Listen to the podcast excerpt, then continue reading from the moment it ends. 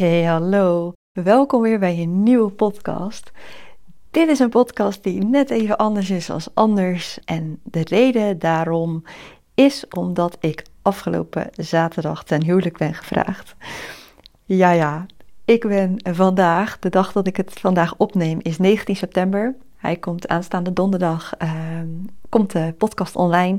Maar vandaag zijn wij 15 jaar samen. En uh, nou ja, zo'n gemiddeld, zo'n 10 jaar denk ik zeker, is het echt een, uh, ja, een hele, ja, het is altijd een lang gekoesterde wens geweest om uh, te gaan trouwen. En nou ja, nu denk ik tien jaar was het ook echt wel een beetje een ding geworden bij ons. Niet alleen tussen mij en Bart, maar ook hè, met, bij de mensen om ons heen. Want ja, ieder jaar met kerst, met oud en nieuw, kwam toch weer de vraag van... Wanneer gaan jullie nou trouwen? Gaat het dit jaar gebeuren? Weer niet gebeurd met kerst? Nou ja, noem het maar op. En uh, ja, we wisten natuurlijk dat we vandaag uh, eh, 15 jaar samen zouden zijn. En wij gaan eigenlijk al jaren gaan wij een nachtje weg rond, uh, rond deze datum. Dus ik had ook tegen Bart dit keer gezegd van joh, zullen we lekker dat weekend weggaan. De kinderen gaan uh, logeren bij opa en oma. Dus dan kunnen wij, kunnen wij weer op pad. En ja, zegt hij dat is goed. Dus ik zeg maar, deze keer mag jij het regelen. Een tijdje terug heb ik dat ook een keertje aan hem gevraagd, want ik ben normaal gesproken degene thuis die altijd alles regelt. En dan bedoel ik echt alles, van alle afspraken tot... Hè, hij is absoluut iemand in huis die heel veel doet, maar echt het regelwerk en het zorgen dat alles loopt zoals het moet lopen, dat is toch 9 van de 10 keer uh, ligt dat bij mij. En dat komt gewoon echt, dat pak ik ook zelf op. Dat, hij krijgt bijna de kans niet om dat te doen. En daar kom ik straks nog even op terug. Want ik moet gewoon af en toe leren om een beetje de controle los te laten. En een tijdje terug heb ik dat dus aan hem gevraagd. En toen heeft hij ook al een heel leuk eh, weekend kunnen regelen voor ons samen. En deze keer had ik dus ook gezegd: ik, uh, jij mag het allemaal regelen. Bedenk maar wat. En ik wil helemaal niks weten. Nou, zo gezegd, zo gedaan. Nou ja, hij heeft dat uh, goed opgepakt. Dus we zijn vrijdag de auto ingestapt. En ik dacht, nou, toen we onderweg waren, dan, hè, dan weet je ongeveer welke kant je op gaat. Toen dacht ik eigenlijk, we gaan naar Van der Valk in Apeldoorn. En waarom dacht ik dat? Dat is omdat Apeldoorn, daar hebben wij het al een paar keer over, dat we daar eigenlijk heel graag een keertje naartoe willen.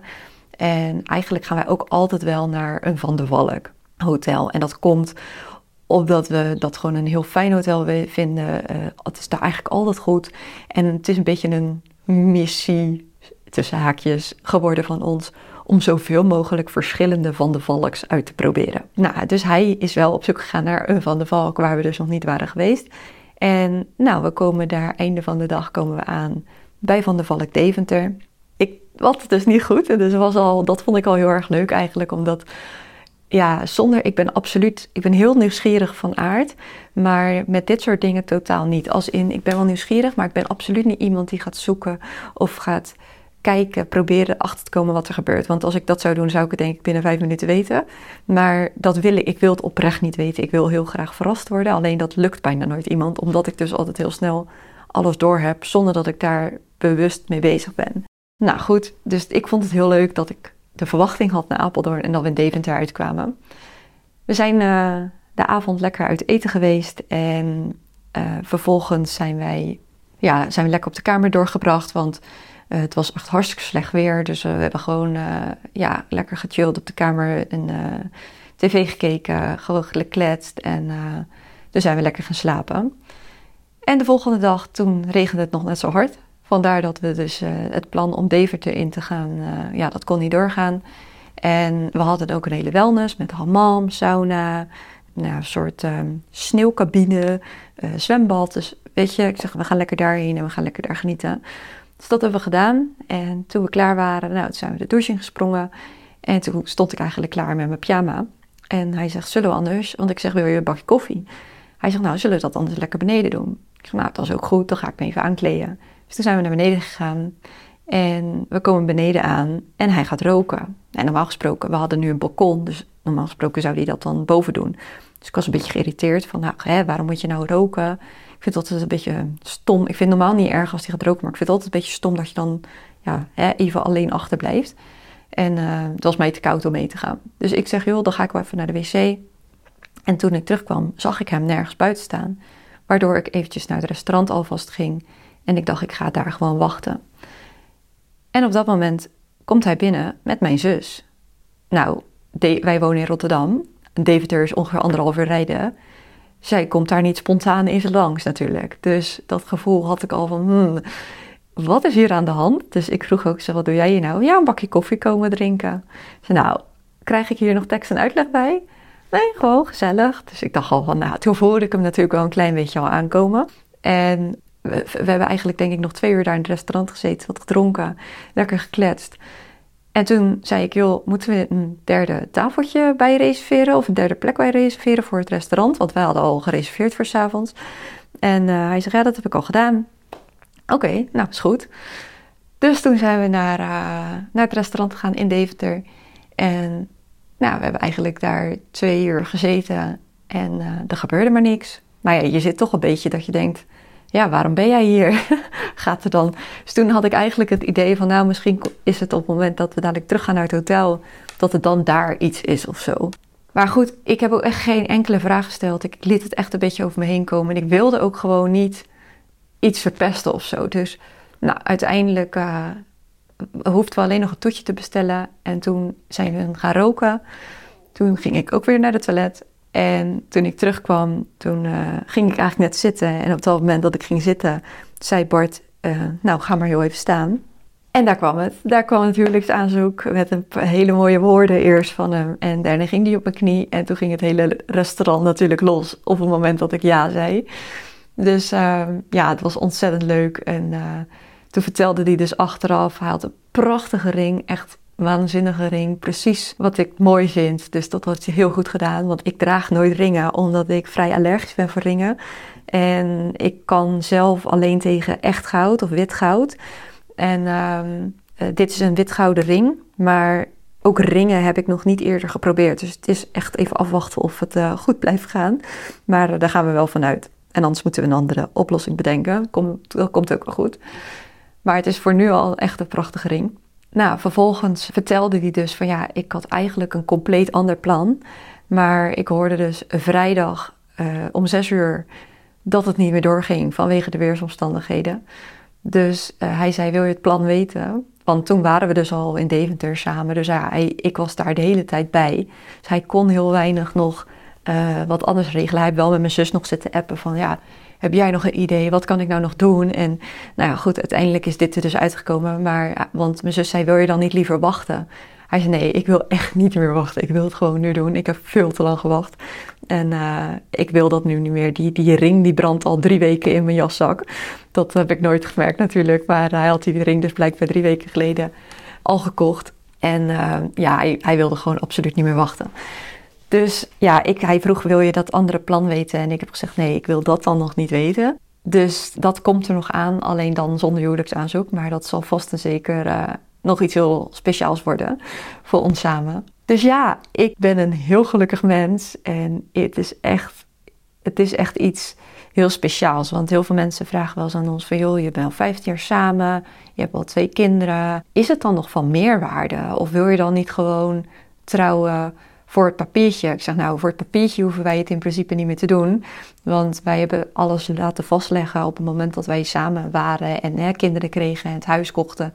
Dus qua regelwerk, zeg maar, staat toch alles al klaar en genoteerd. We hebben gewoon samenlevingscontract, testament, noem het maar op. En um, ja, ik zie het absoluut als meerwaarde. Ik zie het echt als een bezegeling op, ons, op onze relatie. Ja, weet je, we hebben echt niet altijd alleen maar makkelijke tijden gekend. Absoluut niet. En ja, dat we nu na 15 jaar samen nog steeds zo, zo samen staan, zo in het leven staan, dat uh, vind ik juist des te mooier omdat, om dat te bezegelen met een dag voor ons. En nu kan ik zeggen, want we hebben dan mijn schoonouders uh, eerst gebeld. Nou, die waren gelijk helemaal in tranen. Vervolgens hebben we de volgende ochtend, want mijn vader woont in Enschede. En wij hebben, hem de, we hebben hun gevraagd mijn vader en mijn stiefmoeder om te vragen of ze het zin hadden om eh, bij ons de volgende ochtend te komen ontbijten in Van de Valk. Nou, mijn vader zei gelijk ja en mijn stiefmoeder had zoiets van, ja, het komt eigenlijk niet helemaal lekker uit. Maar goed, uh, ze is dus al overgehaald, gelukkig maar. Ja, die reactie was ook gewoon echt goud, dat je dat dan gewoon zo kan vertellen. Vervolgens zijn we die middag zijn we teruggegaan, zondagmiddag, om onze kinderen op te halen bij mijn moeder en stiefvader. En op het moment dat we daar aankwamen, uh, zaten ook mijn oom en tante er. En mijn zus die had ook al gezegd, ja, kom ook wel een bakje koffie drinken. Dus ja, we zaten daar eigenlijk een tijdje te kletsen. En uh, ik had een kaartje geschreven met daarin van... joh, we gaan komend weekend naar Centerparks. Omdat we 15 jaar samen zijn en we willen dat met jullie daar vieren. Maak het cadeautje maar open om te zien naar welk park we gaan. En op het moment dat ze dus het cadeautje... Dus ze waren eigenlijk daar al heel blij mee. En op het moment dat ze het cadeautje openmaken had ik daar dus een fotolijstje in gedaan die op zijn kop lag. En ze draaien hem om. En daar uh, ja, stonden wij dus samen uh, op de foto, waarin ik dus mijn hand naar voren haal, hou met een ring daaromheen. En op dat moment zegt Stacey, die is nu, die is nu 13, ben je ten huwelijk gevraagd? En dus ik zeg ja, en toen moest ze echt keihard huilen. Nou, toen moest natuurlijk iedereen keihard huilen. Lizzie was compleet in shock. Het was echt de meest gouden reactie die ik ooit had kunnen bedenken.